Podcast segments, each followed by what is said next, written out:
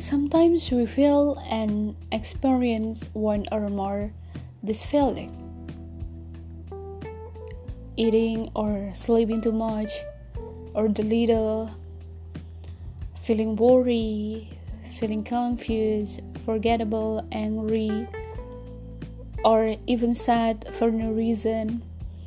Or sometimes we also see and we also look to someone we know that experience about being sad and feeling nothing, lonely, and not feeling good to themselves.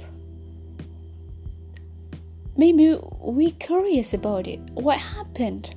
What happened to our body? What happened to our feeling? What happened to our soul?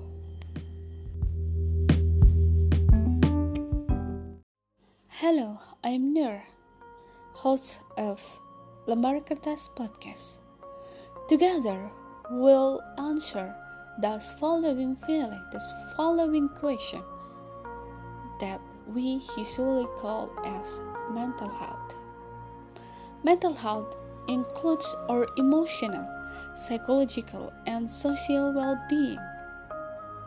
But poorly, these issues are taboo in our society. In fact, it affects how we think, feel, and act.